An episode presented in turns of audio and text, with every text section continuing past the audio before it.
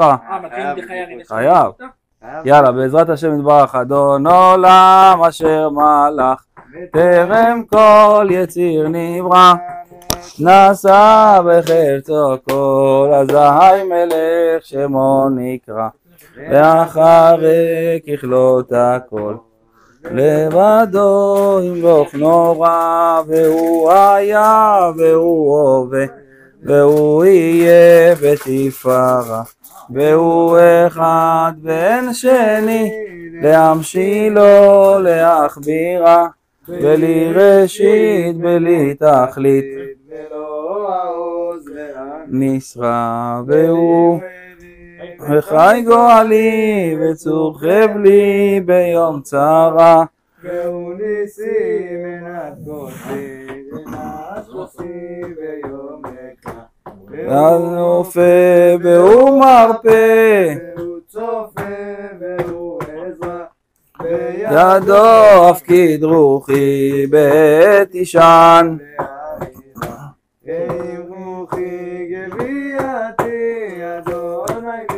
ולא דוהרה במקדשו תגל נפשי משיחנו ואז נשיר בבית קודשי. בשבט קודשי אמן אמן שמה נורא. בעזרת השם יתברך בשם השם נעשה ונצליח.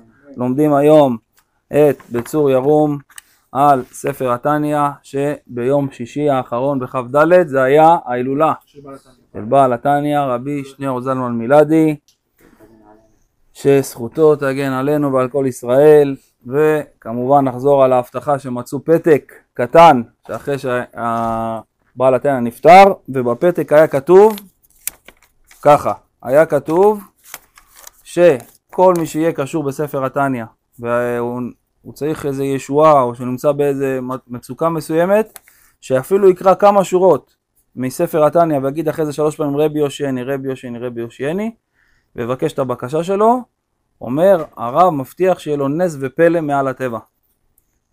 נס ופלא מעל הטבע. ממש יהיה, זה הכל אבל עוד פעם, באמונת חכמים, בפשיטות, בתמימות, בלי מאיפה זה יבוא ואיך זה יבוא ולקבוע לקדוש ברוך הוא או לצדיק מאיפה, מאיפה הישועה תגיע. הישועה תגיע, יאמין באמונה בפשיטות. השם, כן, זה הבטחה שהוא קיבל מהקדוש ברוך הוא. אז uh, ככה, היה איזה אחד, קראו לו uh, מוריס, היה גר באשדוד, מרוקאי, מבוגר וזה, והיה לו חבר מצרפת. התקשר אליו מתקשר אליו uh, החבר מצרפת, אומר לו, מוריס, מה נשמע? איך אתה מרגיש? איך אתם שמה בארץ? מה קורה? אומר לו, ברוך השם, וזה, אתה יודע, הלכנו אתמול בלילה לדוג, שיהיה קצת דגים לשבת, איזה משהו ב... ב... כן, אני גם הלכתי אתמול לדוג פה בצרפת, אתה לא מבין, אני כל פעם שאני דג, אני תופס דגים ממש גדולים. אומר לו, כן, מה, מה תפסת השבוע, לכבוד שבת? אומר לו, אתה לא מאמין, זרקתי את החכה, לא עברו עשר שניות תפסתי דג 17 מטר. אתה לא מאמין, מוריס. כפרה עליך 17 מטר דג. הוא אומר, 17 מטר. איפה, איך הגעת ל... הכריש הכי גדול לא מגיע ל-9 מטר. 17 מטר דג. טוב. אומר לו, תשמע, אני גם. מוריס אומר לו, מה, אני גם הלכתי לאשדוד, עליתי למזח, זרקתי את החכה, העליתי אופניים עם החכה, כל האופניים חלודה, חמישים שנה האופניים בתוך המים, והפנס עדיין דולק ונכבה, דולק ונכבה, דולק ונכבה. אומר לו מוריס, נו באמת, חמישים שנה בתוך המים עדיין הפנס דולק? אז הוא אומר לו, כפרה לך, תקטין את הדג, אני אכבה את הפנס.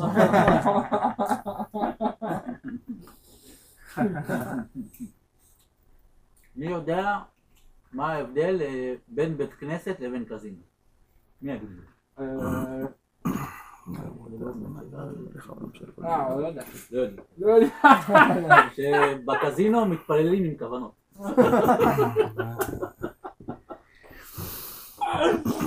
לא זה בדיחה. בוא נמשיך. היה אדם, אני לא בן אדם בדיחה. אה, הנה, עכשיו אתה כל פעם תשמע את הבדיחות, תקבץ אותם, יהיה לך קובץ של בדיחות. זה זריז. לא, יש לך את זה בהקלטות עכשיו. אה, לא, לך. היה, כאילו. היה אדם אחד, היה מבוגר, עלה מארצות הברית, הוא ואשתו, גרו בירושלים. גרו בירושלים, בארץ הקודש וזה, טוב. עם הזמן, אחרי כמה שנים, לא עליכם אף אחד מישראל, אשתו נפטרה. הוא היה, לקח את זה מאוד קשה, המצב הבריאותי שלו הידרדר.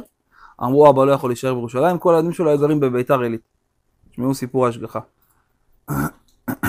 היו גרים בביתר עילית, אמרו, אבא, תעבור מירושלים לביתר עילית. תהיה קרוב אלינו, תעשה אצלנו שבתות, נעזור לך, נקנה, נטפל בך.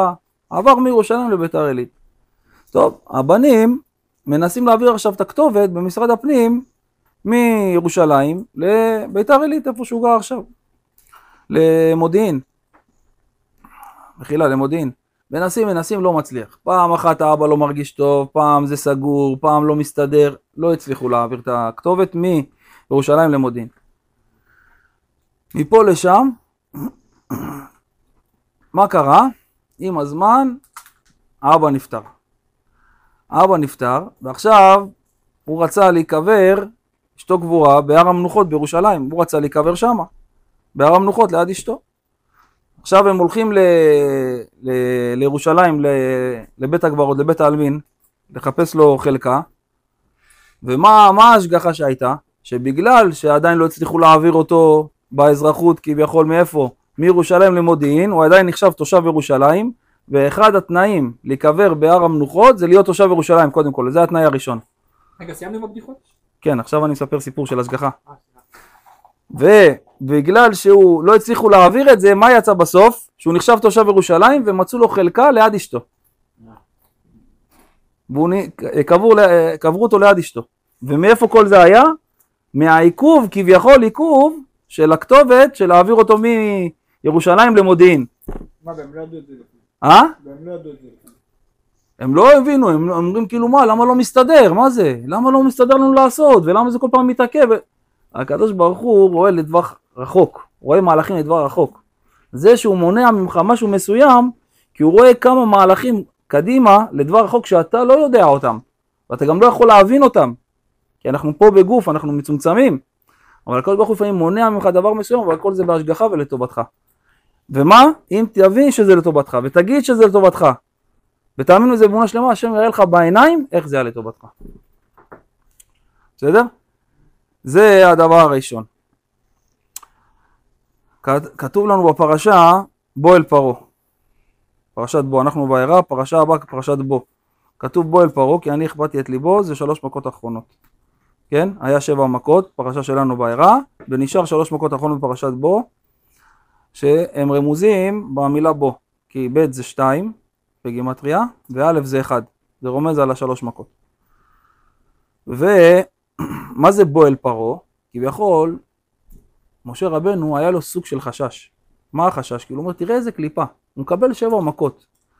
מצרים נחרבה, כולם, אה, כל הדומם, צומח, חי, מדבר, הכל נחרב, והוא עדיין לא מסכים לשלח את, אה, את עם ישראל. אז מה הקדוש ברוך הוא אומר למשה רבנו? בוא, בוא, אני איתך ביחד, אל תדאג. אל תפחד ממנו. בוא אל פרעה, אני איתך ביחד, אני צמוד אליך. אז עכשיו מה, מה זה אומר אלינו? לפעמים בן אדם רואה שהוא במציאות קשה, הוא רואה עכשיו סוג של פרעה מולו. מציאות קשה, אם זה בממון, אם זה בזיווג, אם זה בנפש, אם זה ב, בחיים, בזוגיות. הוא רואה מציאות קשה, הוא רואה סוג של פרעה, קליפה מאוד קשה, שהוא לא יודע איך הוא יוצא ממנה. אומר, משל למה הדבר דומה? זה מביא את המשל הזה, האדמו"ר מיללוב, רבי משה מרדכי מיללוב. הוא מביא ככה, הוא אומר, אדם הלך ברחוב, היה שם בור עמוק, לא ראה, נכנס אליו. עכשיו זה בור כזה עמוק, שאין אף אחד מהאנשים שמסביבו, אף אחד לא יכול להגיע אליו. הוא אומר, תשמע, הוא התייאש. בן אדם התייאש, כולו מבואס, הוא אומר, שמה זה יהיה הגבורה. אין, אין לי, אין לי סיכוי להוציא אותי מפה. צועקים אי אפשר. הוא עוצם עיניים, אומר, אה, מתייאש וזה, בוכה, פתאום פותח את העיניים, הוא רואה חבל. חבל שמחובר מלמעלה עד אליו. אז עכשיו כל הלחץ וכל הרמה וכל העצבות שהייתה לו וכל העצבים, הכל נעלם. למה? כי הוא רואה את החבל. הוא אומר, תדע לך, מה זה בועל פרעה? תדע לך, כל מה שאתה רואה עכשיו לחץ וזה, ואתה מרגיש מצומצם, ואתה מרגיש שאין לך עצה, ואתה לא יודע מה לעשות, כי עדיין לא הבנת שמי לידך? הקדוש ברוך הוא. הקדוש ברוך הוא זה החבל. הקדוש ברוך הוא שולח לך תמיד חבל הצלה. מה אתה צריך לעשות? רק לפתוח את העיניים, להאמין שהוא לידך והוא שולח לך חבל. שתאמין בזה שיש לך חבל לידך והקדוש ברוך הוא נמצא לידך, אתה לא תפחד מכלום. אומר דוד המלך, אדוני רואה לא יחסה בנוד שירביצני, גם כי ילך בגיא צל מוות לא ירא רע. אפילו יהיה במקום הכי, הכי גרוע, בצל המוות, בגיהנום. אומר דוד המלך, אני לא אפחד.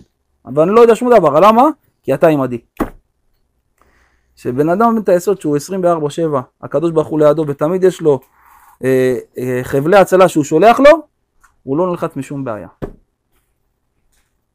כל בעיה יכולה להיפתר. טוב, אז אנחנו בעזרת השם מתחילים. ואף על פי כן, אפילו מי שנקרא לו עבדו, אתם זוכרים את החילוק שלמדנו שבוע לפני שבועיים? מה החילוק בין עבדו ללא עבדו? מי נקרא עבד השם ומי לא נקרא עבד השם? שתיהם אנשים צדיקים שלא עשו עבירות. רק נגיד אמרנו שכמו שהגמרא אומרת, זה ששונה פרקו מאה פעמים נקרא לא עבדו, וזה ששונה מאה ואחת פעמים נקרא עבדו. הפעם אחת. למה? כי הוא שבר את, ה, את, ה, את הגבולות שהגוף שלו יכול והנפש שלו יכולים לעשות. יכולים, יכולים אה, כביכול, עד מאה פעמים זה כולם עושים בסטנדרט. אבל אם הוא עושה 101, הוא שבר את היצרים והוא שבר את המחסומים הנפשיים שלו שהוא השקיע והתאמץ על עוד אחד, מה זה נקרא? עבדו. אז הנה, אומר ככה הרב. ואף על פי, ואף על פי כן, אפילו מי שנקרא לו עבדו, אינו רשע, כי לא עבר מימיו שום עבירה קלה. כן, אנחנו מדברים על מה? האדם שהוא בינוני, אבל הוא נקרא לא עבדו. מה זה לא עבדו? שאפילו עבירה אחת בחיים שלו הוא לא עשה. זה ביחס למצוות לא תעשה, וגם קיים את כל המצוות, וגם קיים את כל המצוות שאפשר לו לקיימן, מצוות עשה, בתלמוד תורה כנגד כולם. זה בן אדם שלא עבר על שום עבירה מהשסה אה, עבירות, ולא ביטל אף פעם תורה, כן? וכל מצוות עשה שהזדמנה לו הוא עשה אותה, ועדיין הוא בהגדרה שלא עבדו, שים לב. הכוונה שעוון ביטול תורה הוא עוון שקשה מאוד להינצל ממנו, ולא פסיק פומי מגירסה. הפה שלו בחיים לא פסק מדברי תורה. ולא פוסק פי מלמוד תורה, שוודאי שאין בו עוון ביטול תורה. כי זה כנגד כולם. כי לפי בעל התניא, המצווה הגדולה ביותר, כי לפי בעל התניא, המצווה הגדולה ביותר היא תלמוד תורה. לפי בעל התניא, המצווה הגדולה ביותר היא תלמוד תורה. אין מצווה שמתקנת את האדם כמו תלמוד תורה. ואם כן, אם הוא מגיע למדרגה כזאת, שאמרנו שעל שום עבירה מהלא תעשה, הוא לא עבר, ושום מצווה שהזדמנה לו, הוא לא ויתר עליה, והפה שלו לא פוסק מלהגיד דברי תורה. אז למה הוא נקרא לא עבדו? שואל הרב. למה עדיין אתה מגדיר אותו בהגדרה של לא עבדו? תראה איזה הגדרה. אלא שאינו עושה שום מלחמה עם העצר לנצחו. מה הכוונה? הכל בא לו בזרימה. בטבעי. הוא יכול ללמוד 18 שעות רצוף, אבל מה? זה ברגיל אצלו. תאוות נשים, הוא לא מחומם בתאווה הזאת. הוא מצונן בתאווה הזאת, ברגיל אצלו. אז בגלל שכל הדברים האלה הם רגילים אצלו ואין לו שום מלחמה עם היצר, זה נקרא לו עבדו. שים לב.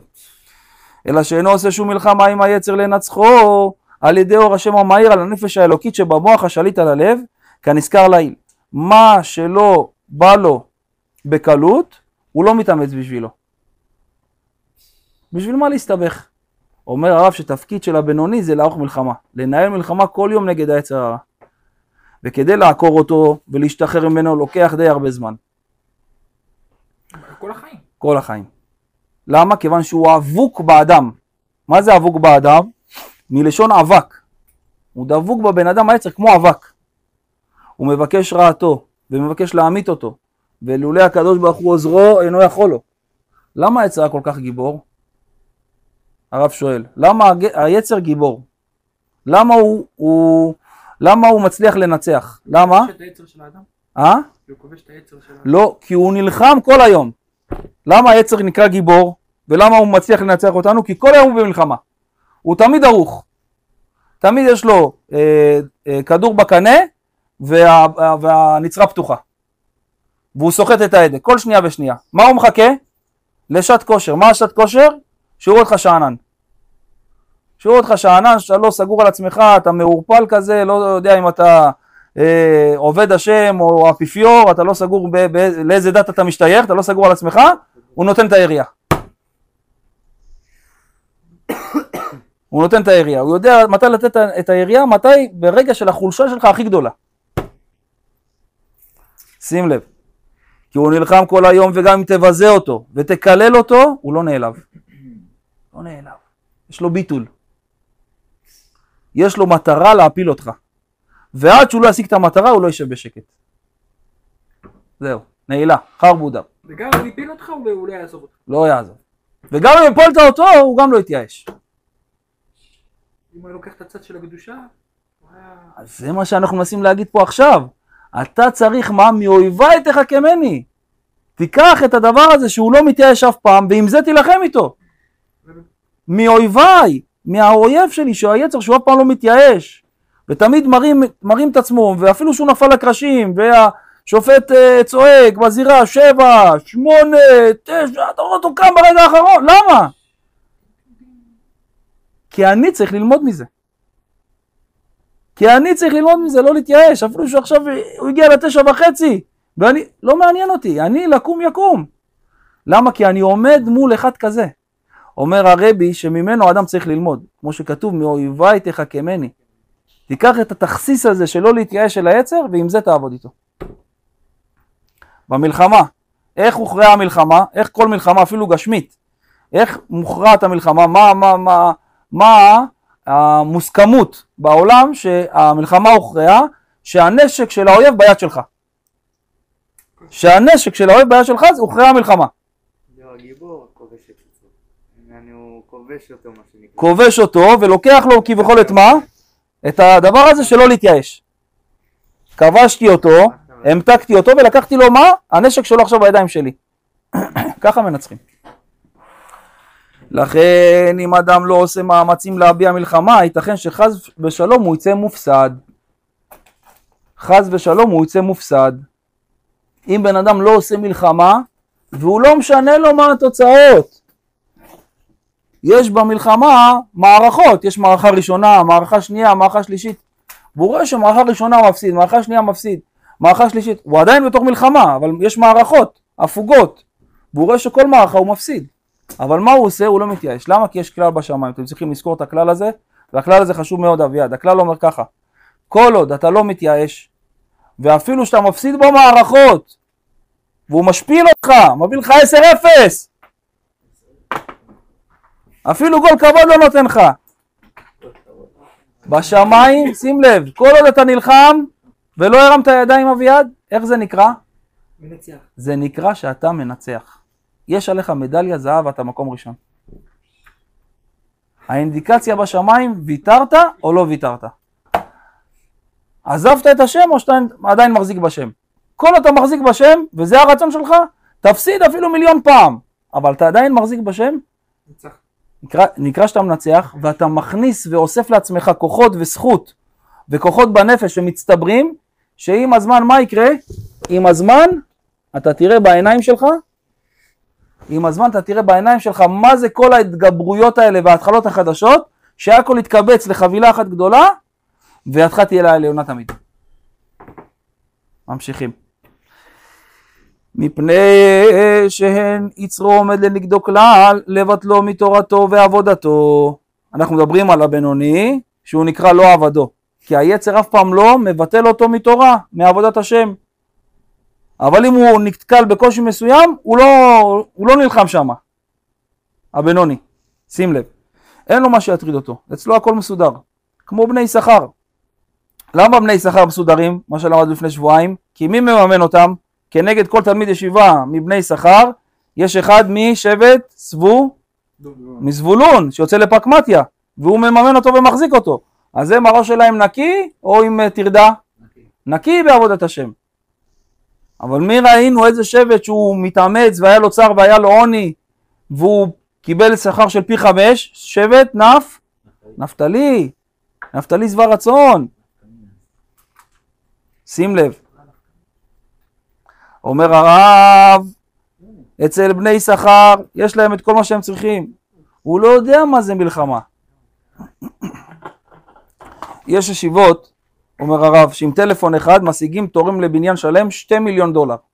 מרימים טלפון, משיגים תורם, יש ישיבות כאלה, הוא אומר, משיגים בטלפון אחד שתי מיליון דולר. שתי מיליון דולר. ויש כאלה שמאותו תורם יקבלו רק 100 דולר. גם יתקשרו אליו ישיבה, לזה הוא ייתן 2 מיליון דולר, לשני הוא ייתן 100 דולר. אלה הם כמו בני יששכר, אלה שיקבלו 2 מיליון דול- דולר בטלפון זה כמו בני יששכר, הכל זורם, הכל זורם, אבל אלה שמקבלים רק בביזיון 100 דולר, וה-2 מיליון דולר זה אפילו לא מה, לא הפיצוחים שלו לשבת, באינדיקציה של הסדר גודל של הטייקון שהוא יושב עליו, אז עכשיו אומר לך, תשים לב, אלה שמקבלים 100 דולר הם כמו בני נפתלי. וכאן טמונה הבעיה. אם אתה עובד אלוקים, או שאתה לא עבדו. השם יתברך יש לו עיניים טובות. לכן גם אלה שמשקיעים את כספם, הוא בודק את קדושת נשמתם, עד כמה היא זכה. ככל שנשמתו של האדם יותר זכה, השם מזכה אותו שהזיעה שלו והמאמצים שלו יהיו רק במקום קדוש. אז זה שקיבלת ממנו רק 100 דולר, תשמח. למה שתי, שתי מיליון דולר שהוא נתן במקום אחר, כנראה יש בעיה קצת בכסף, הוא לא מריח כל כך טוב. לכן לא צריך להתפעל מבניינים וכדומה. לא כל מה שנבנה בטומאה, כי מה שנבנה בטומאה, מכסף לא טהור, לא יתפוס. אומר הפסוק במלאכי, כה אמר השם צבאות, המה יבנו ואני אהרוס. וקראו להם גבול רשעה, והעם אשר זעם השם עד עולם. תדע לך, אם אתה מביא הבית כסף אפור, כסף שחור, ועם הכסף הזה אתה מאכיל את האישה והילדים, אתה מוליד בהם רשעות כזאת שהם יסלדו ויתרחקו מהדת. כסף שחור לא הכוונה במובן. כסף שחור, הכוונה לא בצבע שחור של ארטליין, הכוונה לא, הכוונה לא כסף שכאילו... לא, שלא הגיע בכשרות, אין בו ברכה, כאילו, טמא. שלא הגיע בכשרות. מה זה לא הגיע בכשרות? לא הגיע בכשרות, בגזל, בסחיטה, בריבית. סמים, אה, סמים גם? לא הכוונה לכסף שחור, מה שהמדינה מגדירה כסף שחור. לא, לא, לא. כסף שחור שאני ואתה יודעים מה זה כסף שחור. הכסף שחור, שאתה, מה שאנחנו מבינים, שפת הרחוב. הכסף שחור הזה. חס ושלום להאכיל אישה וילדים עם כסף כזה. ומה יעשו אם זה רק הפרנסה שלהם משם כאילו? תשובה. ואם יש לי שאלה, תעשה תשובה.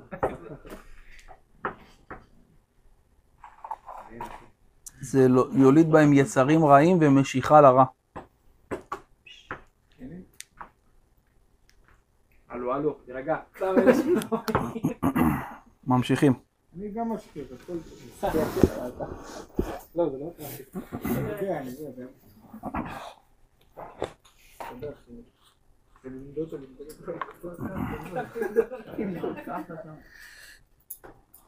סופר על הבבא סאלי, זכר צדיק לברכה, שפעם אחת אה, היה איזה שיפוץ שהוא עשה בשירותים, הם לא עבדו, קצת קלקלו וזה, עשה שיפוץ וסיים הקבלן לסיים את השירותים אצל הבבא סאלי בנתיבות, ואז הוא אמר לרבנית, תפתחי את המגירה של החדר לימוד שלי, יש שם מעטפה, כתוב עליה בית הכיסא.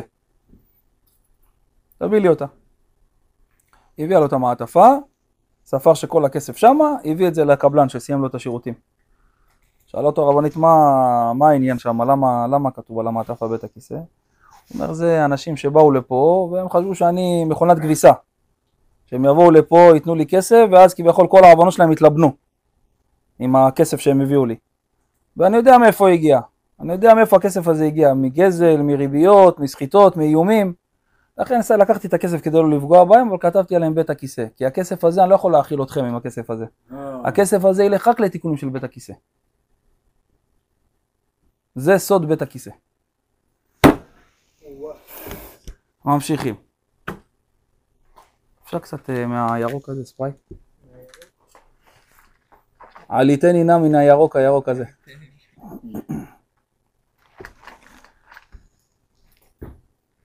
עדיין לא קוראים לי, לא קוראים לי אהוד ברק. הרבה על הירוקים. טוב, חברים, ממשיכים, בסדר? הכל בסדר. רגוע, הכל טוב, קחו נשימה, הכל בסדר. מי שמצטמצם שיפתח, שיפתח סוגריים. ואין צריך ללחום עמו כלל. אנחנו מדברים על בן אדם שהוא עובד השם, ומה ההגדרה שלו? לא עובד, לא עבדו. למה? כי אין לו מלחמה עם היצר כלל. אין לו תאוות נשים, אין לו בעיה ללמוד 18 שעות רצוף, אין לו שום יצר של אה, ממון או של אוכל או דברים כאלה, אין לו שום מלחמה. זה עכשיו אדם נולד בבני ברק. אה, לא משנה איפה הוא נולד, זה, זה בן אדם לרב גדול. לא הכל. קשור, לא קשור שהאשמה, זה לא קשור. זה הכי כל רחוק. בן אדם לגופו. יש מציאות כזאת, אבל הוא עדיין בהגדרה של מה? לא עבדו, שים לב. כלומר, היצר הרע שלו הוא רדום. יש דבר שנקרא חיידק רדום, נכון? יש חיידק ער, זה נהיה... יפה, ויש כאלה שהוא רדום, אז בסדר, הכל טוב, תשאיר אותו רדום, הכל טוב, זה בסדר, זה לא, לא, הבן אדם לא, לא מרגיש שום נזק ושום כאבים, אבל אם הוא מתעורר זה בעיה. אומר זה שלא עבדו, היצר נמצא אצלו, זה לא שהוא הרג את היצר, אבל מה הוא אצלו? כמו חיידק רדום. יש מציאות שמה, מתישהו, מה יקרה? יתעורר. ולמה יש מציאות שהוא יתעורר? כי הוא אף פעם לא עשה איתו מלחמה כדי להרוג אותו. שים לב. הוא לא כמו יוצא לרשע שכל הזמן הוא מזכיר לו פעולות חדשות שהוא עדיין לא עשה, נותן לו כל מיני רעיונות לכל מיני עבירות למיניהם, מתוחכמות יותר, מרגשות יותר, אלא הוא הרדים אותו. זה שלא עבדו הרדים את היצר.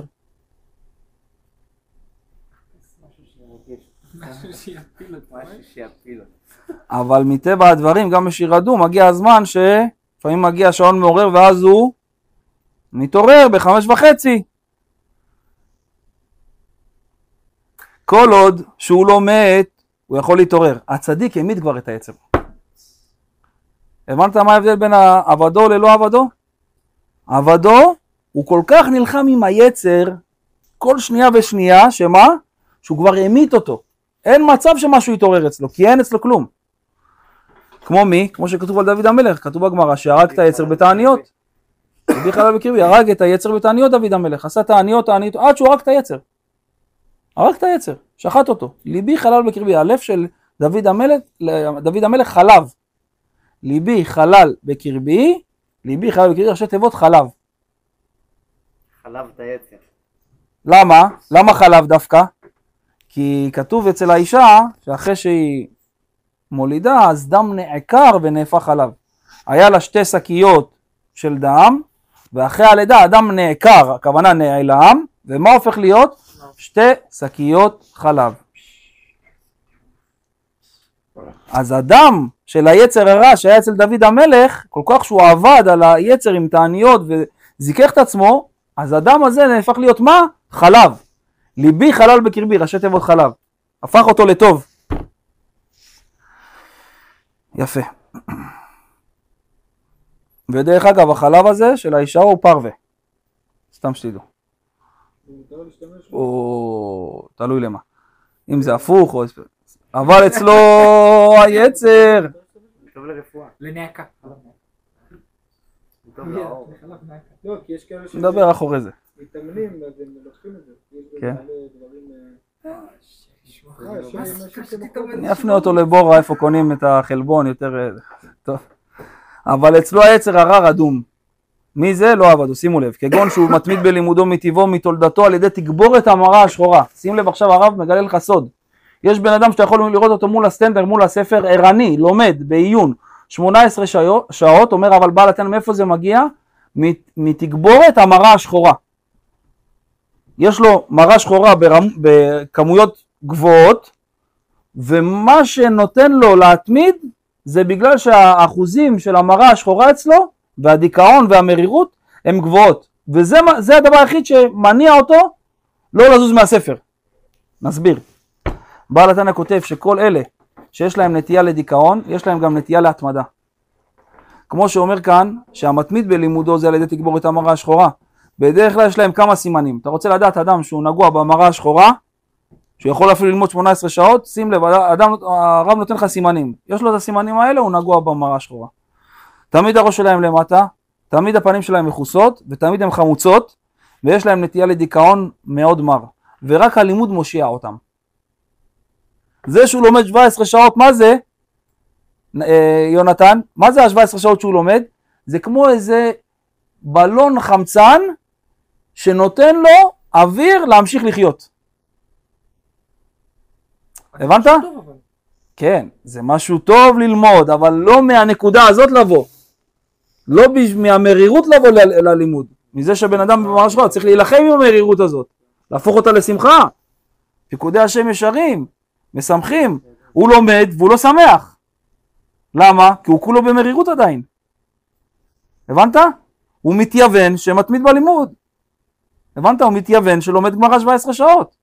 בעצבות, כמו חוכמה, כמו שהוא לומד עכשיו פיזיקה והיסטוריה. הוא לא יכול ללמוד עכשיו אה, שעה אחת ולצאת מהשיעור, וואי, איזה כיף היה לי. לא, למה הוא לא מגיע אף פעם לסיפוק הזה? כי הוא תמיד במראה שחורה. שים לב. אומר, ורק הלימוד מושיע אותם, כל הלימוד אצלם זה כמו כדורים נגד דיכאון. לכן אצלם דברי תורה לא מעלים ולא מורידים. ולא מתקיים בהם פיקודי השם ישרים בסמכי לב.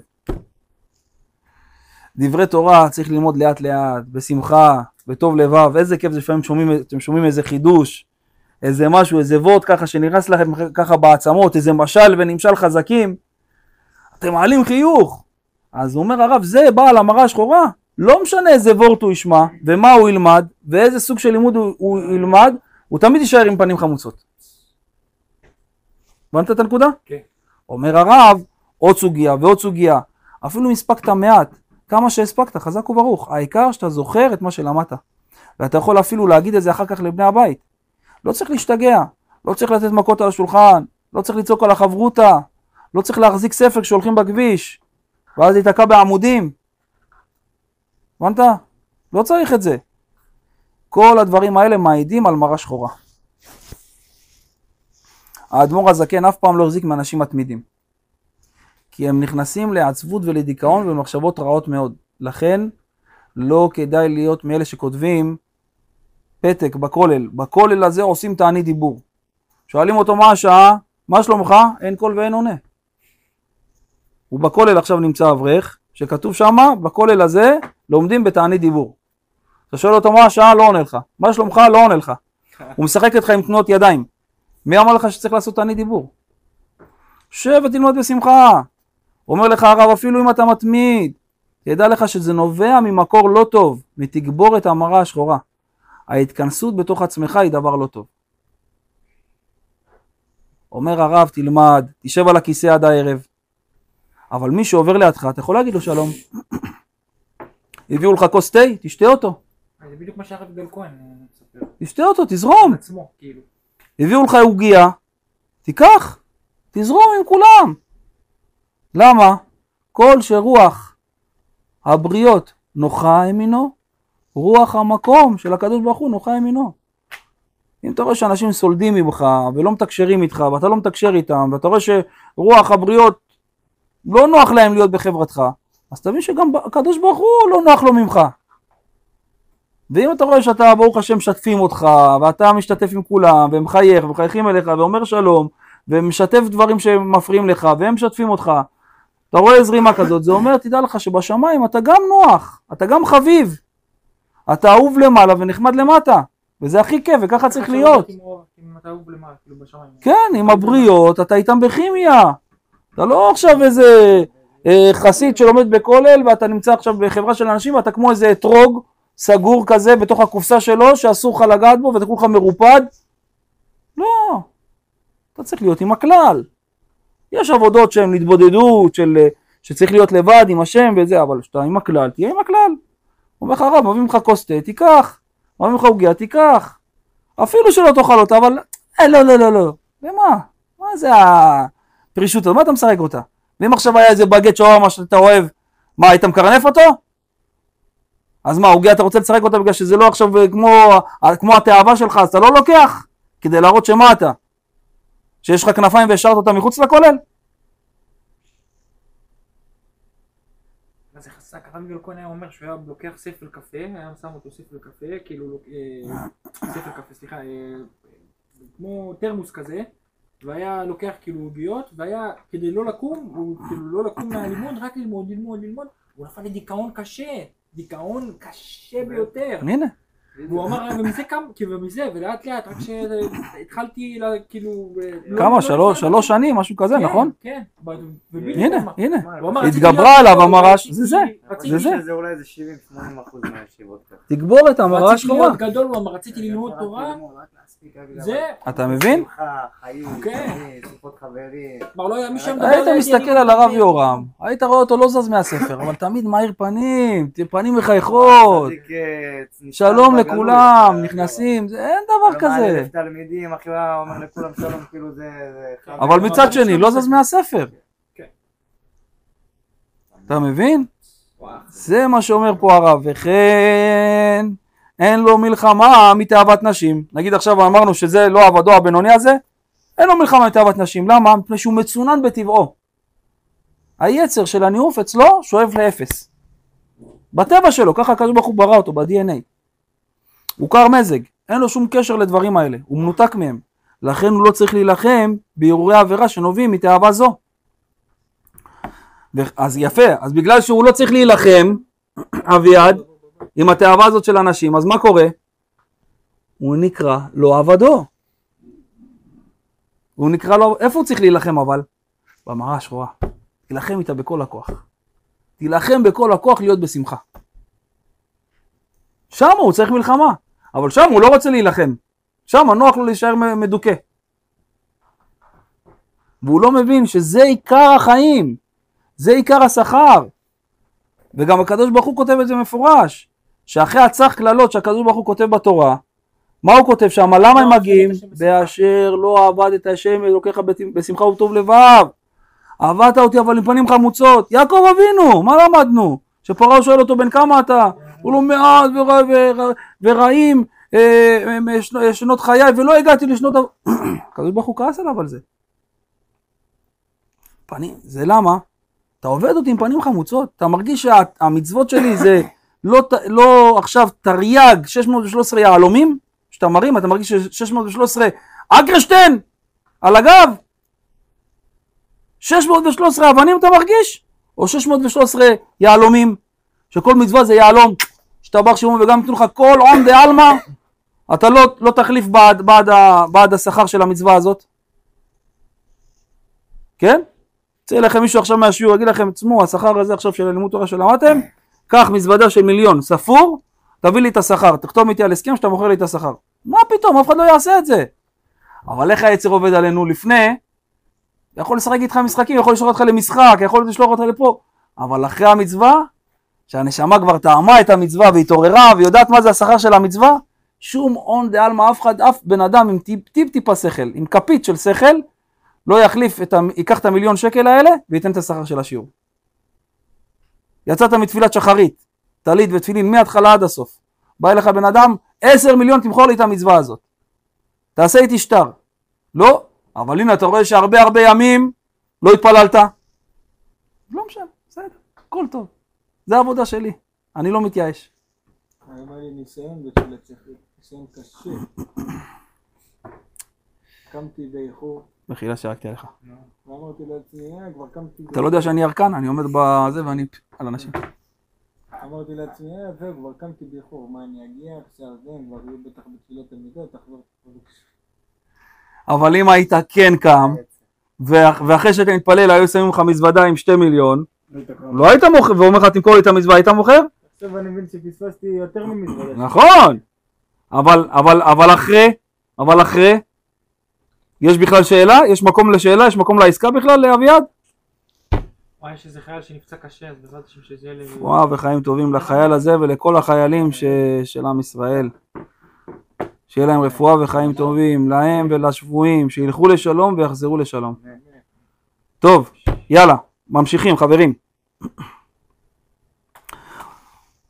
אז אומר ככה, הוא קר מזג, אין לו שום קשר לדברים האלו, הוא מנותק מהם, לכן הוא לא צריך להילחם באירועי עבירה שנובעים מתאווה זו, וכן בשאר תענוגי העולם הזה, הוא לא צריך לעמול כדי להשתלט עליהם, כי הוא מחוסר הרגש הנאה בטבעו. ולכן אומר הרב,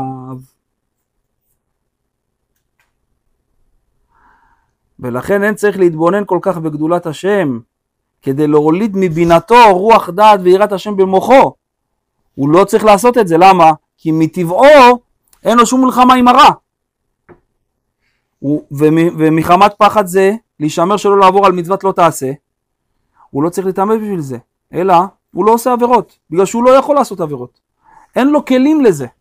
הכלים שהקדוש ברוך הוא ברא אותו, עם הכלים האלה, זה כלים שאין להם משיכה לעבירה. יש אדם שמטבעו נולד עם יצרים, והיצרים שבו רודפים אותו, לעשות דברים שהם נגד השם. אבל יש אדם שמרוב שהתקדשו אנשי ביתו בשעת המעשה, הם הזמינו לו נשמה קדושה ועצומה ללא שום רגש לחומר. הוא קיבל נשמה של אצילות, והיתרון של, לשמות, של נשמות כאלה מהאצילות, הוא שאין להם שום קשר לעולם הזה. כמו הדוגמה שמביאה הגמרא על רב גידל. מה הגמרא אומרת על רב גידל? אתם יודעים מה, למה, ממה הוא התפרנס רב גידל? מה הוא היה? מקוגל. מקוגל, הוא גם אכל קוגל בהפסקה, אבל לפני ההפסקה, שהוא היה עובד, אתם יודעים מה הייתה העבודה של רב גידל? אתם תתפלאו, חוץ מזה שהוא היה תלמיד חכם גדול ואמורה, זה משהו עם ספרים, לא אולי? לא, הוא היה בלן של נשים שטובלות, לראות אם הם טבלו טוב. אתם מבינים מה הוא היה, אביעד?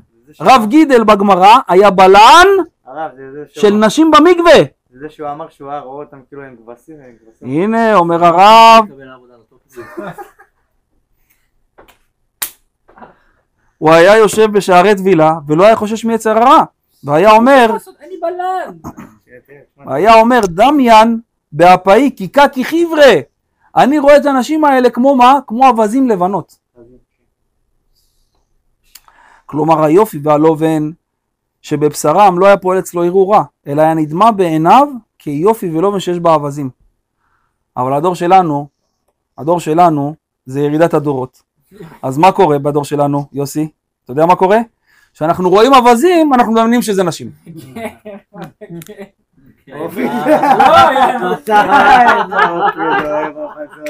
לא, כן, לא.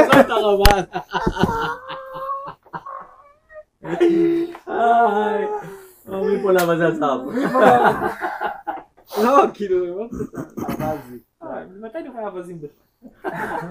אה... לבדוק אותי. רבזים. אבוזות מרוקאיות. איזה אופי, זה... אוי, אוי, אוי. תודה רבה, תבורך. יאללה חבר'ה, ממשיכים. עוד דוגמה אחרת שמביאה הגמרא אמרו עליו על רבי יהודה בר אילאי שהיה נוטל בד, כוונה, הדס, הדס כמו ששמים בלולב, בד של הדס ומרקד לפני הכלה ואומר כלה נאה וחסודה הולך לעזרת נשים, מתחיל לשחק עם, עם ההדס מול הכלה, רוקד כיצד מרקדים לפני הכלה ורב שמואל בר רב יצחק מרקד אתלתא שטותא היה זורק שלוש, נכון כמו אתם מכירים את זה שעושים ככה ב, עם השלוש כדורים? היה לוקח שלוש הדסים וזורק אותם ככה באוויר מול הכלה. מצחיק אותה, לשמח אותה. אמר רבי זרע, קמח ספלן סבא. אומר רבי זרע, "זה- הם מביישים אותנו שהם עושים ככה. שהם רוקדים לפני הכלה ככה, זה, זה, זה בושה בשבילנו. הם לומדים איתנו בבית מדרש. אה, הם מחשיפים אותנו, הם מביישים אותנו שהם עושים את זה. ואף על פי שהקפידו עליו, הוא המשיך כמנהגו לרקוד לפני הכלה. כשהוא נפטר, שים לב מה היה, ירד עמוד של אש והפסיק בין הקהל לבין המיטה שלו. לא הייתה זכות לאף אדם להתקרב למיטה שלו, זה שהיה משחק לפני הכלה. וגמירה, ויש לנו חזקה בידינו, למדנו, דלא מפסק עמודא דנורא, אלא לחד בדרא או לטרין בדרא. ומוחזק בידינו, שבשעה של הפטירה שבן אדם נפטר, לא יורד, יורד עמוד אש מהשמיים עד המיטה של הבן אדם, או לאחד בדור או לשתיים בדור. אז הוא מאלה, מהאחד בדור הזה, שמה? שיורד לו עמוד אש. ומה הוא היה עושה כל החיים, שהוא היה הולך לחתונה? מרקד לפני הכלה. אבל מצד שני תראה איזה במדרגה הוא. או לאחד בדור או לשתיים בדור יורד עמוד אש בשעת הפטירה שלהם. לכן כשרואים אדם שהוא מקודש זה אחד משניים או שהשם זיכה אותו להורים טובים שהמשיכו לו נשמה קדושה או שהוא עבד על עצמו בצורה של שמחה. כי ההתמדה של דיכאון מביאה בדרך כלל לידי נקימה באחרים ולדאוג שהם יהיו תחת רגליו וכך הוא מקבל משרה רבנית חשובה על ידי שהפיל את זה ואת זה ודחף את זה אדם שיש לו כל הזמן פחדים שיקחו לו את המקום שלו, זה דבר שמראה על רדיפה אישית, ורדיפה אישית מעידה על דבר לא יציב בנפש. לכן אסור להיכנס לרשימה של המתמידים האלה של 18 שעות, כי זה מאוד מסוכן. ואהבת השם בליבו, כלומר הוא לא צריך גם כן להתבונן כל כך בגדולת השם כדי לעורר אהבת השם בליבו. וכתוצאה מאהבה זו לדבקה בו בקיום המצוות ותלמוד תורה כנגד כולם, אלא די לו כדי להיות שלם בתורה ומצוות, באהבה מסותרת אשר בלב כללות ישראל שנקראו אוהבי שמו. איך אנחנו נקראים? אוהבי שמו. אבל מי נקרא ככה? כתוב ככה. כי אלוקים יושיע ציון ויבנה ערי יהודה. שמעו פסוק. פסוק בתהילים, פרק סט. וישבו שם וירשוה וזרע עבדיו ינחילוה ואוהבי שמו ישכנו בה.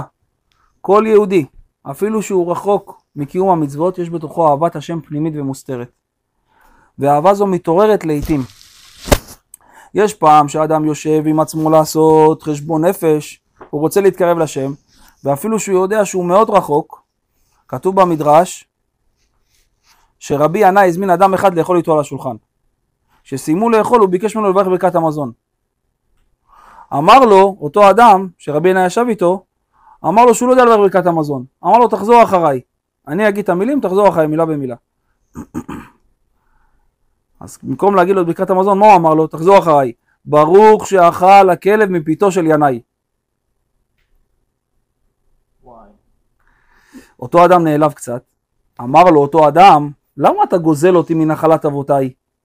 תראה מה הוא אומר לו לר, לרבי ינאי, למה אתה גוזל אותי מנחלת אבותיי? הרי כתוב תורה ציווה לנו משה מורשה קהילת יעקב. למה אתה מקנא אותי בשם כלב? וגם לי יש חלק בתורה, רק שאני לא למדתי. ואחר כך הוא סיפר לו, אותו אחד, לרבי ינאי, סיפר לו שמעולם הוא לא התקוטט עם מי שדיבר עליו רע. הוא קיבל מידע חזק, במאה אחוז, שאדם מסוים דיבר עליו, בחיים הוא לא התקוטט איתו. וכן כשהוא רואה שתיים שרבים זה עם זה, הוא משתדל להשכין ביניהם שלום. אומר ככה, מימיי לא שמעתי דבר רע שהיה אחד מדבר על חברו וחזרתי לאדוניה.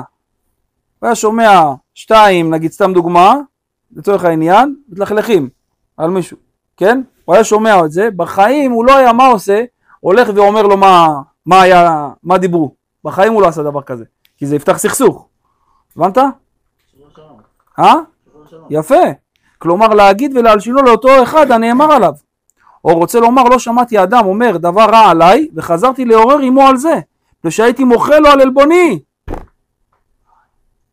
שמעתי שמישהו מה העליב אותי מעולם לא באתי אליו למה דיברת ככה? למה? מעולם הוא לא עשה את זה. ולא ראיתי שתיים שמריבים זה עם זה שלא נתתי שלום ביניהם. שכאילו הם מעורבים הייתי עושה ביניהם שלום. בדיוק. אומר, זה הוא אומר לרבי ינאי. עכשיו רבי ינאי הצטער על מה שהוא אמר בהתחלה? הוא מצטער. שים לב, איך הוא קרא לו בהתחלה? אה, לאחד כזה אפשר לקרוא כלב? מיד עמד ינאי והתנצל על כך שקראו כלב וביקש ממנו מחילה.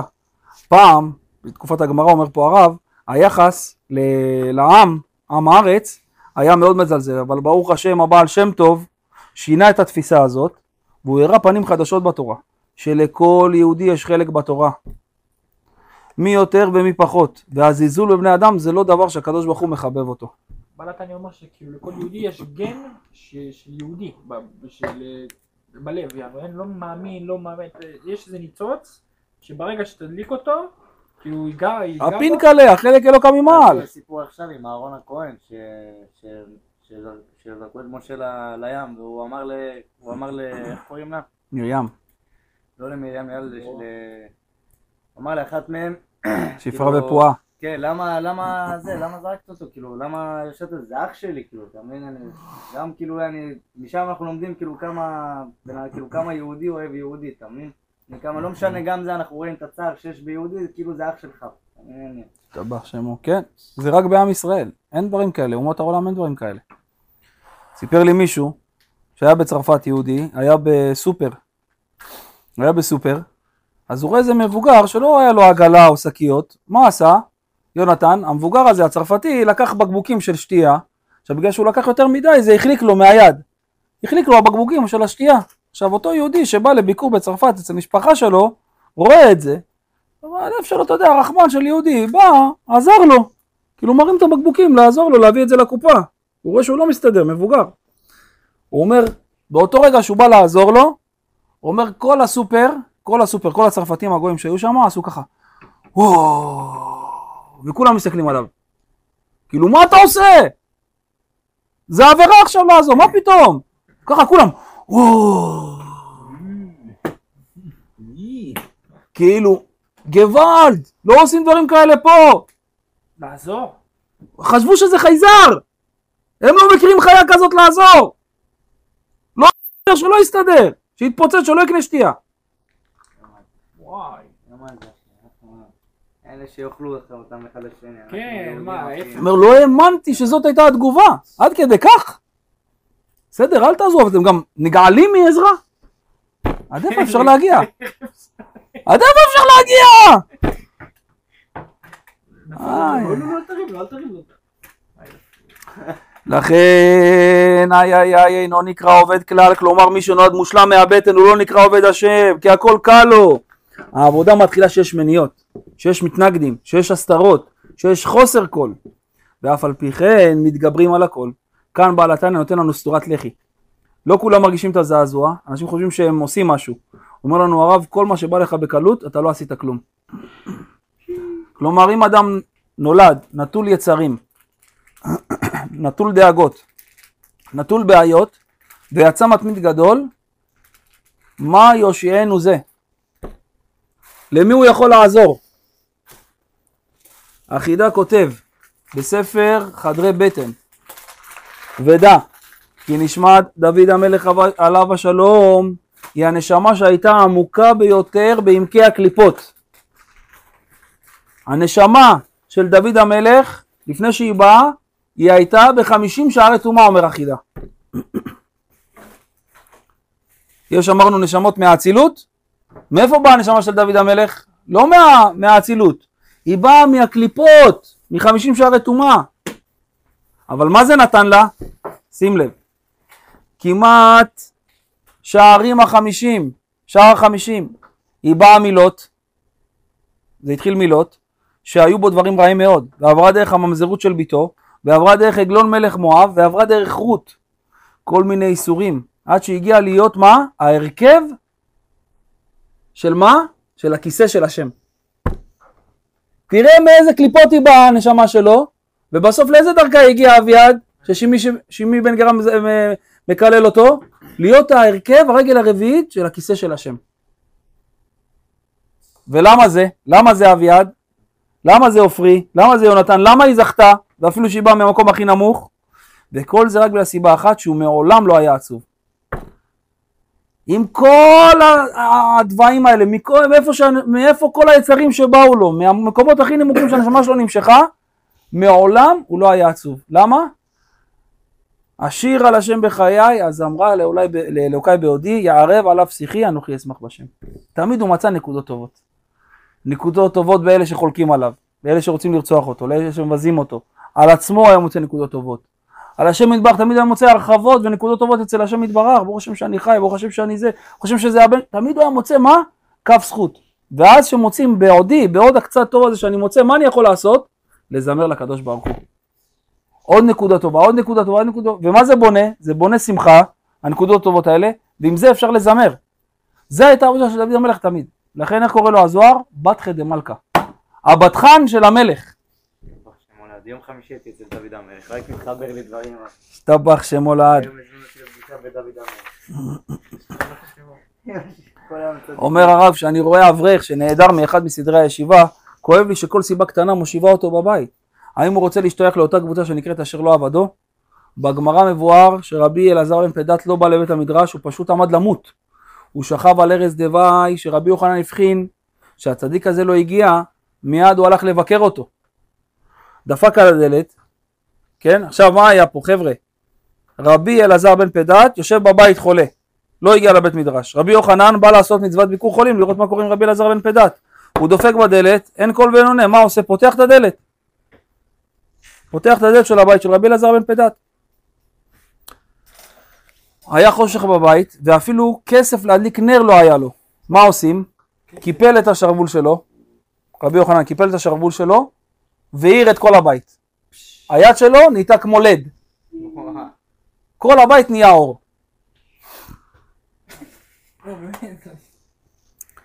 שאלה גם שואל, שואלים, הרב שך שואל את השאלה הזאת, הוא אומר, לכאורה, כתוב חוכמת אדם תאיר, תאיר פניו. אז מה אמור להיות יותר מואר?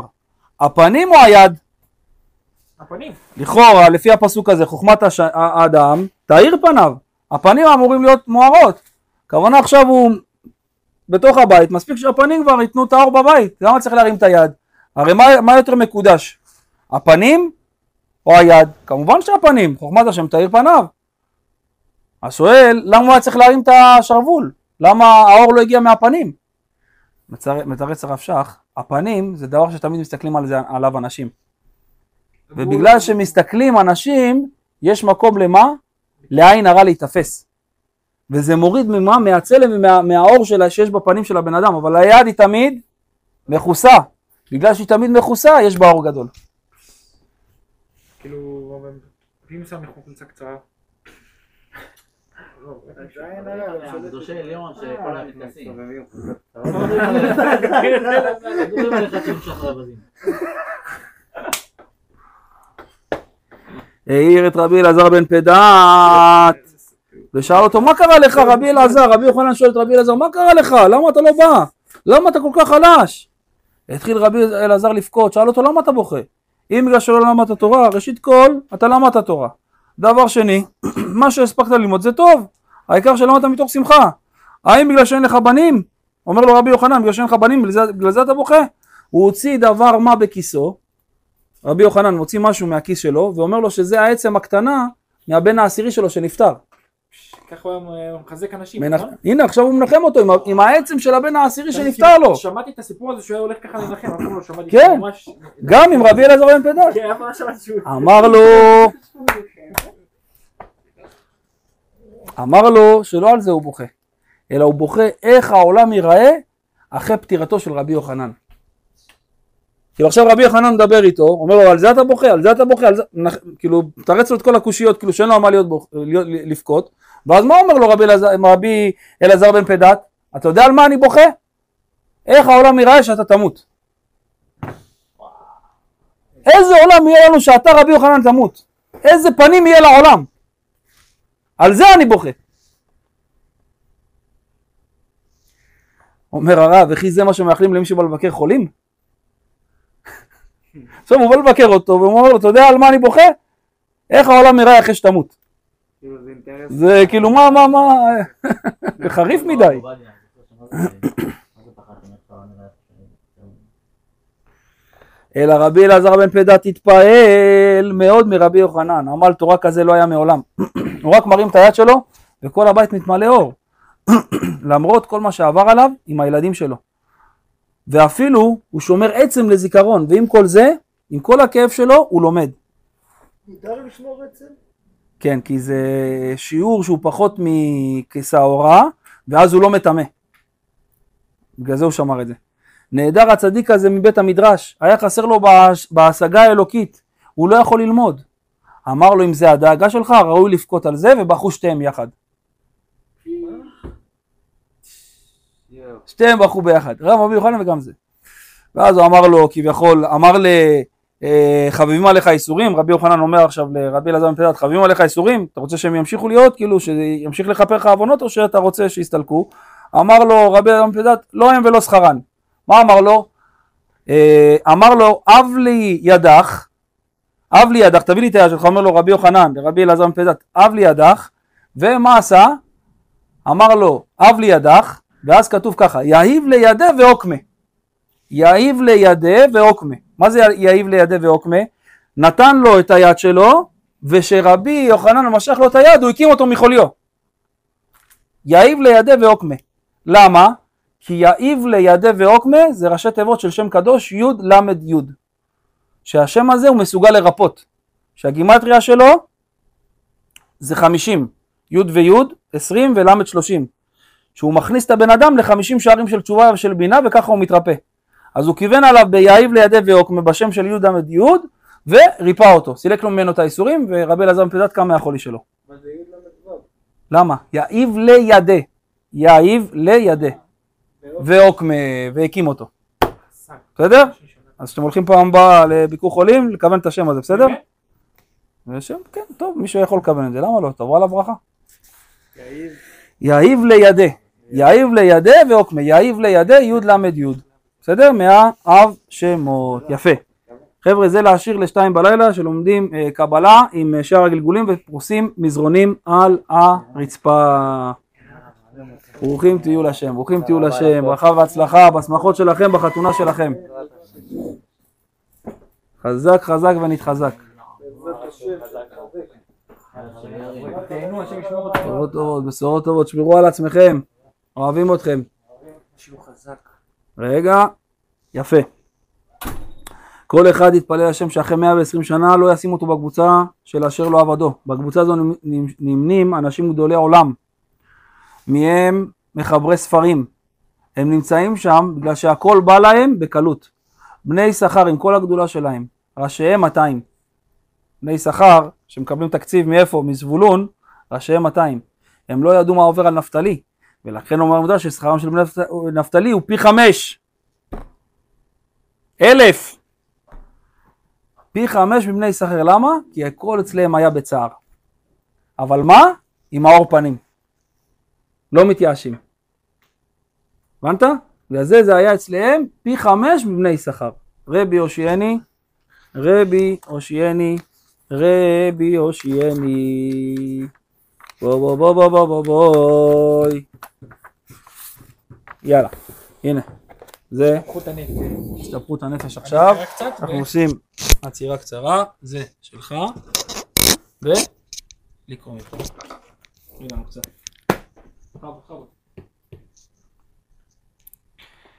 תרחיק טיפה, ותעשה. פרק ט"ז וזה, כלל גדול בעבודת השם, לבינוניים עיקר, הוא למשול ולשלוט על הטבע שבחלל השמאלי, על ידי אור השם המאיר לנפש האלוהית שבמוחו, לשלוט על הלב כשמתבונן במוחו בגדלות. להוליד מבינתו רוח דעת ויראת השם במוחו, להיות סור מרע דאורייתא ודרבנן, אפילו איסור קל של דברים, חס ושלום, ואהבת את השם בליבו בחלל הימיני בחשקה וחפצה, לדבקה בו בקיום המצוות דאורייתא ודרבנן. שכנגד כולן, ויותר על כן צריך לידע כלל גדול בעבודה לבינוניים, שגם אם אין יד בשכלו ורוח בינתו מושגת להוליד אהבת השם בהתגול, בהתגולו, בהתגלו ליבו, שיהיה ליבו בוער כרשפי אש וחפץ בחפצה וחשקיה ותשוקה מרוגשת בלב ולדבוקה. בו רק אהבה, רק אהבה אה, מסותרת במוחו ותעלומות ליבו, דהיינו שהלב מבין ברוח חוכמה ובינה שבמוחו אה, גדולות דקולה קימה אה, כלי חשיב ממש, אשר על כן יוטה לו שתכלה אליו נפש כל חי, להידבק ולהיכלל באורו. וגם נפשו ורוחו אשר בקרבו כך יעטה להן להיות קלות אליו, בחשקה וחפצה. לצאת מן הרתיקן או הגוף לדבקה בו רק ש... רק ש... אה, שבחיות אה, הנה בתוך הגוף וצורות בו כאלמנות חיות ולית מחשבה דילון דפיסה ביה כולל כי אם כאשר תפיסה ומתלבשת בתורה ובמצוות, ובמצוות כמשל המחבק את המלך הנ"ל והי לזאת יעטה להן לחבקו בכל לב ונפש ומאוד דהיינו קיום התרי"ג מצוות במעשה ובדיבור ובמחשבה שהיא השגת וידיעת התורה כנ"ל הינו כשמע... כשמעמיק בעניין זה ב... בתעלומות תבונות ליבו ומוחו ופיו וליבו שוויון שמקיים כן בפיו. כפי אשר נגמר בתבונת ליבו ומוחו דהיינו להיות בתורת השם חפצו ויגע בה יומם ולילה בפיו וכן הידיים ושאר האיברים מקיימו מצוות כפי מה שנגמר ב... בתבונות ליבו ומוחו הרי תבונה זו מתלבשת במעשה דיבור ומחשבת התורה ומצוותיה להיות להם בכי מוחין וחיות וגדיפין לפרחה. לילה כאילו עסק בהם בתחילו ורחימו ממש אשר בהתגלות ליבו ובחפצה וחשקה ותשוקה מורגשת בליבו. ונפשו הצמאה להשם מפני רשפי אש אהבתו שבליבו. הואיל ותבונה זו שבמוחו ובתעלומות ליבו מביאתו לעסוק בהם ולולי שהיה מתבונן בתבונה זו לא היה עוסק בהם כלל אלא בצרכי גופו לבד. וגם אם הוא מתמיד בלימודו בטבעו אף על פי אוהב את גופו יותר בטבעו. וזה רמזו חז"ל באומרם מחשבה טובה הקדוש ברוך הוא מצווה למעשה ויבא לאייל למימר מעלה עליו הכתוב או מעלה עליו הכתוב כאילו עשה אלא העניין כי תחילו ורחימו שבהתגלות ליבו הם המתלבשים במעשה המצוות להחיותם. לפרחה לעילה כי הלב הוא ג' כ' חומרי כשאר איברים שהם כלי המעשה אלא שהוא פנימי וחיות להם ולכן יכול להתלבש בהם להיות להם גדפין להעלותם. אך התחילו אורחים שב, שבתבונות מוחו ותעלומות ליבו הנ"ל גבוהות דרכיהם למעלה, מעלה מבחינת מעשה ואי אפשר להם להתלבש מבחינת מעשה המצוות, להיות להם בכי מוחין וחיות לעלותן לפרחה לעילה. אם לא שהקדוש ברוך הוא מצרפן ומחברן לבחיית המעשה ונקראות בשם מחשבה טובה, כי אינן התחילו אורחים וממש בהתגלות ליבו. רבי יושייני, רבי יושייני, רבי יושייני, רבי יושייני, איזה דברים נפלאים, השתבח שמו, פרק ט"ז בתניא זה היה, עכשיו עוברים למשיבת נפש. יאללה, אומר הרב כשאדם עוסק בתפילה ובעבודת השם, בכל פעם מתבלבל ונופל מעבודתו. מתחיל בעבודת השם, קיבל על עצמו איזה הנחת תפילין, או תפילת שחרית במניין, או שלוש תפילות ביום, משהו מסוים, והוא נופל מעבודתו. קיבל לעצמו לא להיכנס למקומות מסוימים ב- ב- ב- ב- בטלפון, והוא נופל עכשיו מהעבודה הזאת. ואז מה קורה? ואזי דרך הבעל דבר, היצר הרע להתגרות בו. אמר לו, נו מה, כמה פעמים זה קרה לך? על אתה בא לעבוד? תראה כמה פעמים אתה מבטיח לשם ואתה עוד פעם נופל בדבר הזה, נו מספיק. אתה רוצה כבר להתבגר או שאתה... תפסיק, נו מה, אתה, מה אתה ליצן? שים לב ליצר איזה מילים עכשיו הוא אומר לך. ורוצה להפילו מעבודתו לגמרי, מאחר שרואה שאינו יכול לגמור את תפילתו ועבודתו בשלמות. אומר לך, נו מה, אתה, אתה לא עושה את זה בשלמות. אתה רואה שכל פעם אתה נופל, כל פעם, אין אצלך דברים שלמים. אין אצלך, קיבלת 40 יום, לא מסיים את ה-40 יום. קיבלת אצלך ספר מסוים, להתחיל אותו ולסיים אותו מכריכה לכריכה, הפסקת באמצע. קונטרס אפילו פשוט של כמה דפים אתה לא מצליח לסיים. אז מה הוא רוצה לך עם כל המילים האלה? מה לעשות? לייאש אותך ולהפיל אותך מרחק, אתה לא עושה שום דבר שלם.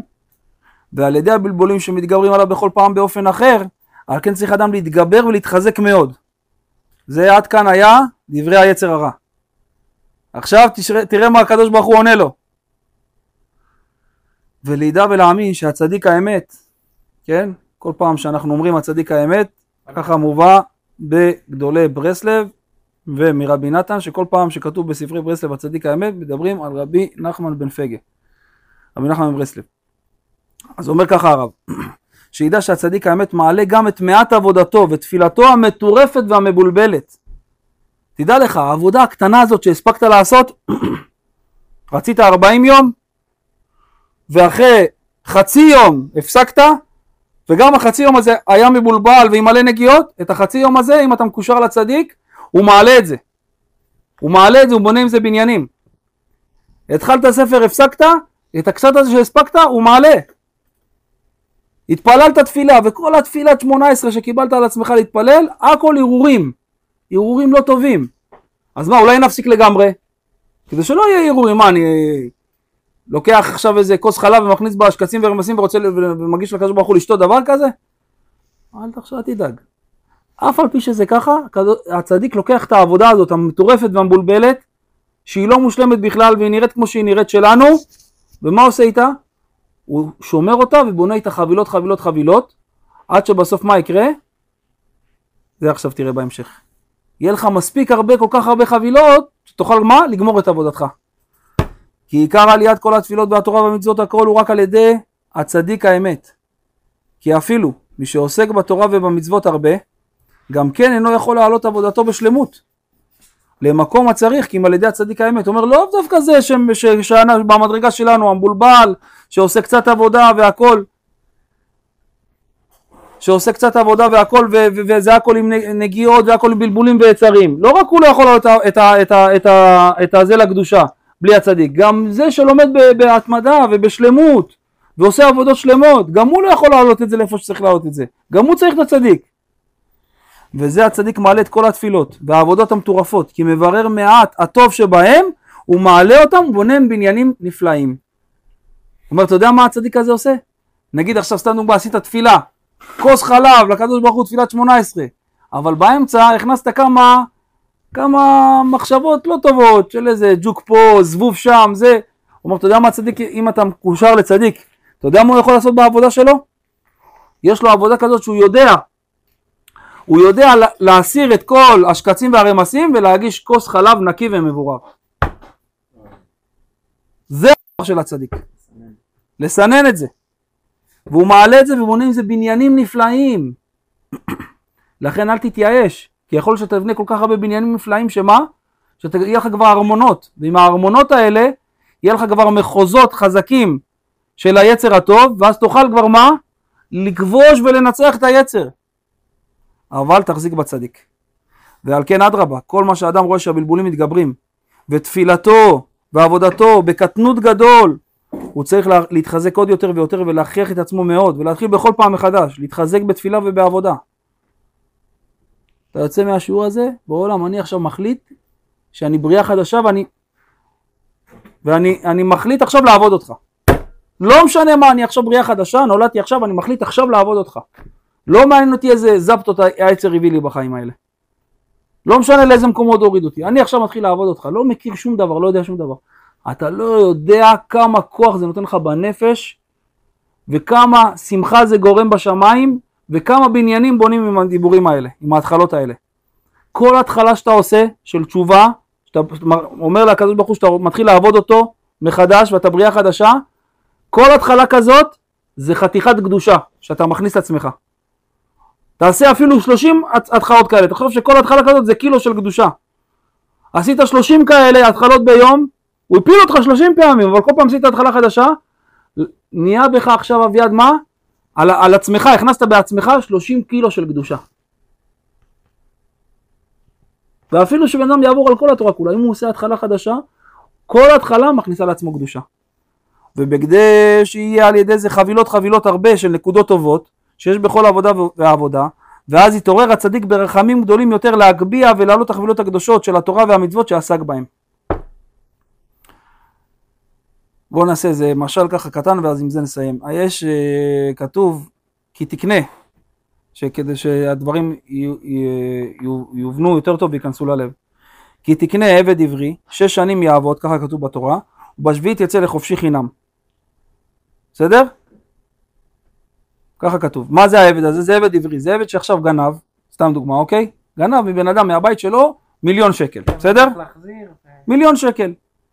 מה עשה? בזבז את כל המיליון. תפסו אותו, תפסו אותו, יש הוכחות, יש עדים הכל, אין לו, הוא אומר אין, בזבזתי הכל. מה עכשיו עושים לו? מה התורה אומרת שצריך לעשות לו? צריך למכור אותו לעבד, הוא נהיה עבד של מישהו שהוא שומר תורה ומצוות שכדי לתקן לו את המוח וליישר אותו, אז הוא הולך להיות עבד שלו, והמשכורת, במקום שהמשכורת תיכנס אליו אביעד, של העבד, אז במקום שהיא תיכנס אליו לכיס, מה עושים עם המשכורת שלו? משלמים אותה לאותו אחד שנגזל. אותו אחד שנגזל, נכון? שנלקח ממנו מיליון שקל מהבית, נכון? אין לו עכשיו, מי מחזיר לו את המיליון? כל חודש הוא מקבל משכורת העבד הזה, המשכורת הזאת הולכת ישירות למי? לעשיר הזה שנגזל ממנו מיליון שקל. אוקיי? ואז מה נהיה לו? מתחיל להתיישר לו השכל. נכון? מתחיל להתיישר לו השכל. כי הוא אומר, תראה מה זה. הוא עבד כמה שנים להשיג את המיליון האלה, ואני באתי שנייה אחת, לקחתי לו אותם בשנייה אחת. עכשיו מה הקדוש ברוך הוא עושה לו? אותו דבר. הנה, תראה, כל מה שעבדת כל החודש והזעת, תראה, בשנייה אחת אנחנו לוקחים את, ה- את כל המעטפה היפה הזאת של הכסף שלך, ונותנים אותה לאותו עשיר. ואז מתחיל להתיישר לו השכל, אה, זה כמו שאני עשיתי, וואי, איזה צער, וואי, איזה צער יש לו. מה, מה שעכשיו אני חווה זה מה שהוא חווה? ואז לאט הוא מתחיל להעריך מה זה זהה שמרוויחים איתה כסף. הוא יודע מה זה, כי הוא רואה, הנה, עבדתי חודש, וכלום לא נכנס לי. הכל כזה לסגור את הגזלה שלך. אבל ככה מתיישר השכל. אבל אם הוא נכנס לקלבוש, אז מה אומרים לו? שאלה ראשונה, שבן אדם נכנס לכלא, מה אמרו לו? שו, על מה כבודו? אה, אה, זה, אתה יודע, מכה של 200, של- אה, פקיע עליק, על זה יושבים. אם אתה כבר עושה מכה, תביא אותה בכמה מיליונים, מה אתה משחק לי עם גרגירים, 200, 300, מה זה, זה פיצוחים? ואז נותנים לו תרגילים והתחכמויות איך לעשות את זה בצורה יותר מקצועית, ואז מגנב גנב קטן, אחרי שלוש שנים מה הוא יוצא לנו גנב? גנב גדול. זה של חוקות המדינה, חוקות הגויים, אבל בתורה, אחרי שבע שנים איך הוא יצא? שהוא נהיה עבד וכל המשכורת שלו הולכת לא- לאותו אחד, שנל... שאותו אחד שהוא גזל אותו של המיליון, איך השכל שלו נהיה? אחרי. אחרי שש שנים? אה? יותר ישר מפלס? ברור, מה? יותר ישר מפלס. את. יותר ישר מפלס. וכל ערב הוא עושה חברותה עם, ה... עם האדון שלו. כל ערב הוא יושב חברותה עם האדון שלו, ליישר לו את השכל, ללמוד אותו תורה. וגם הוא מקבל את ה... מיטה נוחה. מקבל את כל התנאים. את כל התנאים הטובים. אבל מה יש לנו פה? עכשיו שים לב למה מה החיזוק שעכשיו יוצא לנו מפה, בסדר? זה הדין הפשוט, אוקיי? בוא נראה מה אבל, מה מסתתר בעומק, מה, מה, מה הדרש פה, מה הרמז, מה זה בא לרמוז. אומר זה בא לרמוז לך שלמה הקדוש ברוך הוא אמר את זה? הרי הקדוש ברוך הוא אומר בשביעית תצא לחופשי כי אין דבר כזה שיהודי הוא עבד של משהו בעולם, הוא עבד רק שלי. כל יהודי בעולם הוא עבד שלי, עבד רק שלי, ולכן אחרי שש שנים הוא יוצא לחופשי, העבד הזה, בסדר? יפה. אומר פה הרב, שאלה, מה השאלה ש, ש, ש, ש, ש, שצריך לשאול? הדין הזה של עבד עברי, שיעבוד שש שנים, זה נאמר שעתיים, שעתיים אחרי מעמד הר סיני. אחרי מתן תורה, אחרי מעמד הר סיני, הקדוש ברוך הוא אמר את הדין הזה למשה רבנו של מה? של עבד עברי, שנמכר בגנבתו. מה שהסברנו עכשיו, שש שנים יעבוד, בשביעית יצא לחופשי. אז מה השאלה ששואלים? מה, ישר אתה מדבר איתי על הפושעים, על הגנבים, עכשיו קיבלנו את התורה, כבר על מי שהולך לגנוב ומי שהולך... הוא אומר, אתה יודע מה התירוץ? אומר הקדוש ברוך הוא, את מי אני אוהב הכי הרבה ולמי אני קרוב הכי הרבה ולמי אני דואג הכי הרבה? למסכנים האלה שנופלים כל פעם בעבירות. לאלה שנופלים לגנבות, לאלה שלמטה, לאלה שכל פעם נופלים בעבירה. להם אני דואג הכי הרבה, לכן אני אומר לכם את הדין הזה. עכשיו אני אומר לכם את הדין הזה, כי הם הכי חשובים לי. אבא הולך עם נבחרת של עשר ילדים ברוך השם לבית כנסת יום שישי, כולם הולכים איתו אחריו, עומדים איתו באותו קצב, טיפה מאחוריו לעשות כיבוד הורים, והילד הקטן נשאר מאחורה, למה הוא נפל? מה אומר להם האבא? תתקדמו שלא תפסידו את התפילה, תתקדמו לבית כנסת, ואבא הולך לילד שנפל. ומה עושה לו? מרים אותו, מנקה אותו מהאבק, מנשק אותו, מחבק אותו, מלטף אותו, שיירגע. אומר, אתה יודע אם הקדוש ברוך הוא נמצא? יש הרבה אנשים לומדים, זה, מתפללים, אבל יש את אלה שנפצעו, שהם מאחורה, פצועים, פצועים, בתי אבות. עם מי הקדוש ברוך הוא נמצא? אם אבא גשמי דואג הכי הרבה לבן הזה שנפל וכולו כאוב וכולו מעובק והוא מרים אותו, מנקה אותו, מלטף אותו. אז, אז מה זה הרחמים של הקדוש ברוך הוא? אז אלה שנפלו בעבירות, כמה הקדוש ברוך הוא מחבק אותם ומעודד אותם ודואג להם? כמה הוא קרוב אליהם? רק מה צריך לעשות? לפתוח את העיניים ולראות את הקדוש ברוך הוא. לראות את החבל שהוא שולח לך. אדוני עוז לעמו ייתן, אדוני יברך את עמו בשלום. תיקון הכללי לרפואת כל חולה עמו ישראל.